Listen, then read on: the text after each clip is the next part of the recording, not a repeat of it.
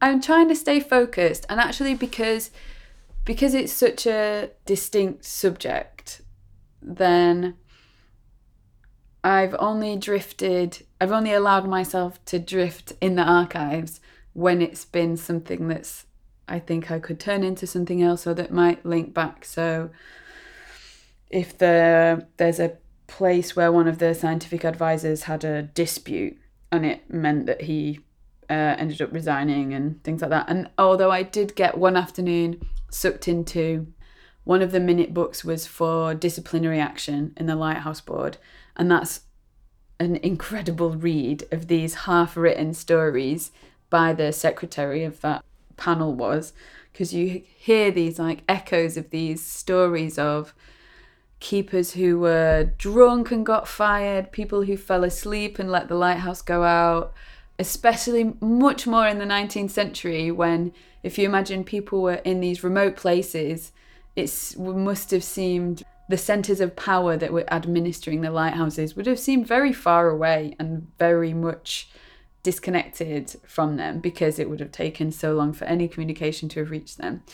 So there's from the 19th century there were stories about there was one that really struck me about a lighthouse keeper who was being disciplined for stealing mercury. So because lighthouse uh, optics uh, spin on a bath of mercury, some of them still do. And obviously, at this time, the toxicity of it was not, hadn't really registered.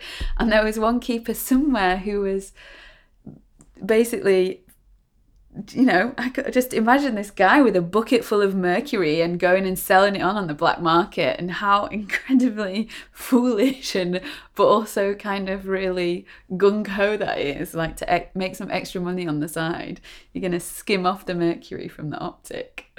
So yeah, I really I got a bit distracted by those stories because they're such human stories, but uh, for the most part, um, I've been really locked into trying to find these traces of sounds. Well, maybe there's something about the sound also in terms of because the way we think about the sound in this idea of something that is melancholic and nostalgic is about being far away from it. And when you're really close to it, it is a completely different sound. It's uh, like really poppy and sort of like low, and it vibrates everything. Like it vibrates your entire body. So there's a story about uh, light ships, which were boats with lighthouses on. Quite a lot of them had foghorns on as well, but they were the really bad postings to have. They were sort of lowest on the ladder if you were a, a lighthouse keeper, sort of to be posted on one of those. They didn't have any engines, so you were dragged out in, and they were metal boats, so you were basically dragged out onto a sandbank in a metal can uh, with a foghorn and a light but if the foghorn went off there, you were much closer to it than you were if you were at a land based lighthouse station and you were in a metal can essentially. So the whole place becomes like a big resonating chamber. So there was absolutely no escape. There was no sleeping through it if you're on those. And it's so close that it has this really almost, it's comical, but I imagine it wasn't comical if you were trying to sleep through it. Like it's in, it's incredibly disruptive, even though it's very solidly rhythmic. So when you're up close to it, there is this. It becomes an entirely different character of, and type of sound in the way that it's louder. It has this really sort of physical aspect to it in that it affects you bodily much more than it would be if you were further out.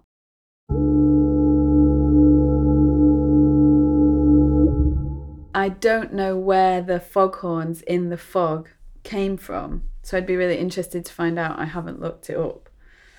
And I wonder if there is a way to produce them through Foley or it might not have been necessary because, you know, around the East Coast and West Coast, there's a lot of uh, filming and there was also a lot of foghorns there. So the distance between the studios and the cameras probably wasn't massive. Um, but yeah, I don't know. I don't know if that you can produce in by I know you can make a, there's like uh, you can make a makeshift uh, foghorn out of plumbing parts or something. There's like a recipe online. Um, uh, yeah, I'm not sure.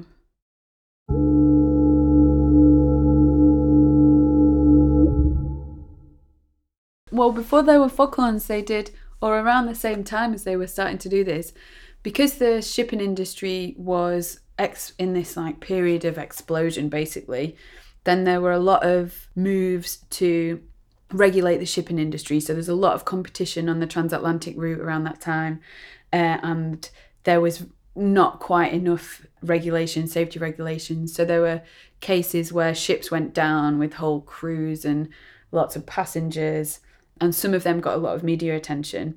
And so there was this kind of quite broad, sweeping, or from what I can gather, there were pushes to regulate the shipping industry, uh, which included like both the um, transport of people and goods, and particularly on that transatlantic route, which was the route between the route between the UK and Canada and America, and those two coasts there. So we're talking about the late 19th century. Those were both very foggy coastlines, and obviously that's like a very uh, white shipping route in the 19th century that is about the migration of people from Europe to America and that sort of travel.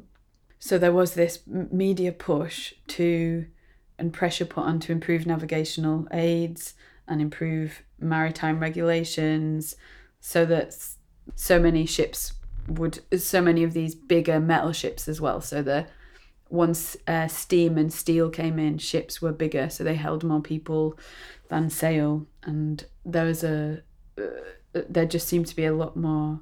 Well, there was just pressure on to regulate that industry, and foghorns were part of that. So it wasn't like they were on their own regulating this industry.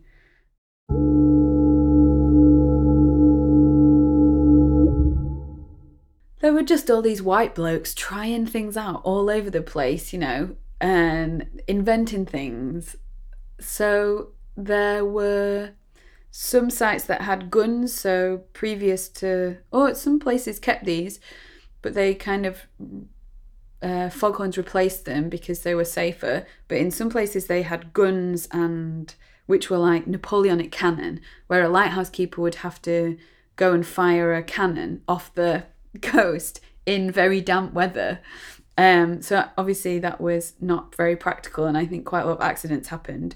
But then there were also experiments with off the coast at South Stack, which is in northwest Wales, uh, the lighthouse there. Um, there were experiments with uh, submarine bells.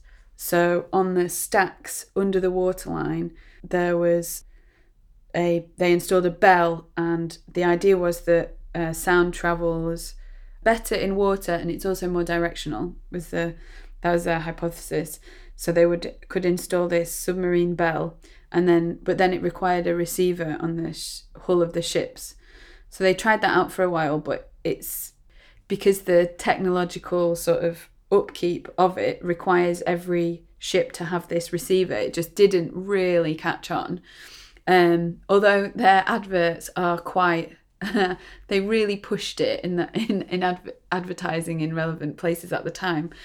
Um, and I think there was they weren't the only company doing it. There might have been one or two others, but there was, you know, more like Acme inventions. Like I saw a plan for a foghorn that never existed that was like horse powered in the National Archives. So all these kind of inventions, but in terms of um, operating in fog, there it had to be a sound thing because vision, the distance that people could see was so reduced. And one of the, it wasn't the, just the risk of going onto the rocks, it was of ships colliding as well.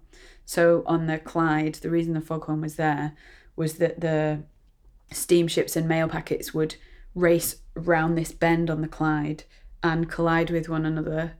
Um, and that's what sent ships down more than well in that area particularly that's what sent ships down and drove this need for foghorns.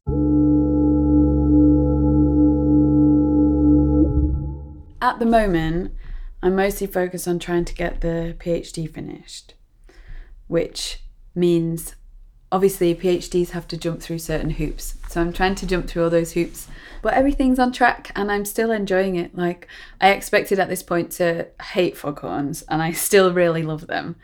I still feel really compelled by that original idea that like drove this digging around YouTube for these homemade videos of people on coastlines making uh, videos of foghorns and it's one of those things where um, because the research kind of is talks to lots of different people like i get like unsolicited foghorn emails about once a week from somebody saying either somebody that i know that's like oh i saw this thing and it's about foghorns or it's a topic that's related to it or of somebody that's like oh i heard your thing from a person a friend of a friend and here's a photo of some foghorns from my holiday or here's a thing there's a Bill Fontana piece that uh, sound like sound sculpture with foghorns that's being installed in uh, San Francisco again. It was originally installed in the 80s, I think, and it's um, they're reinstalling it as part of the this new season.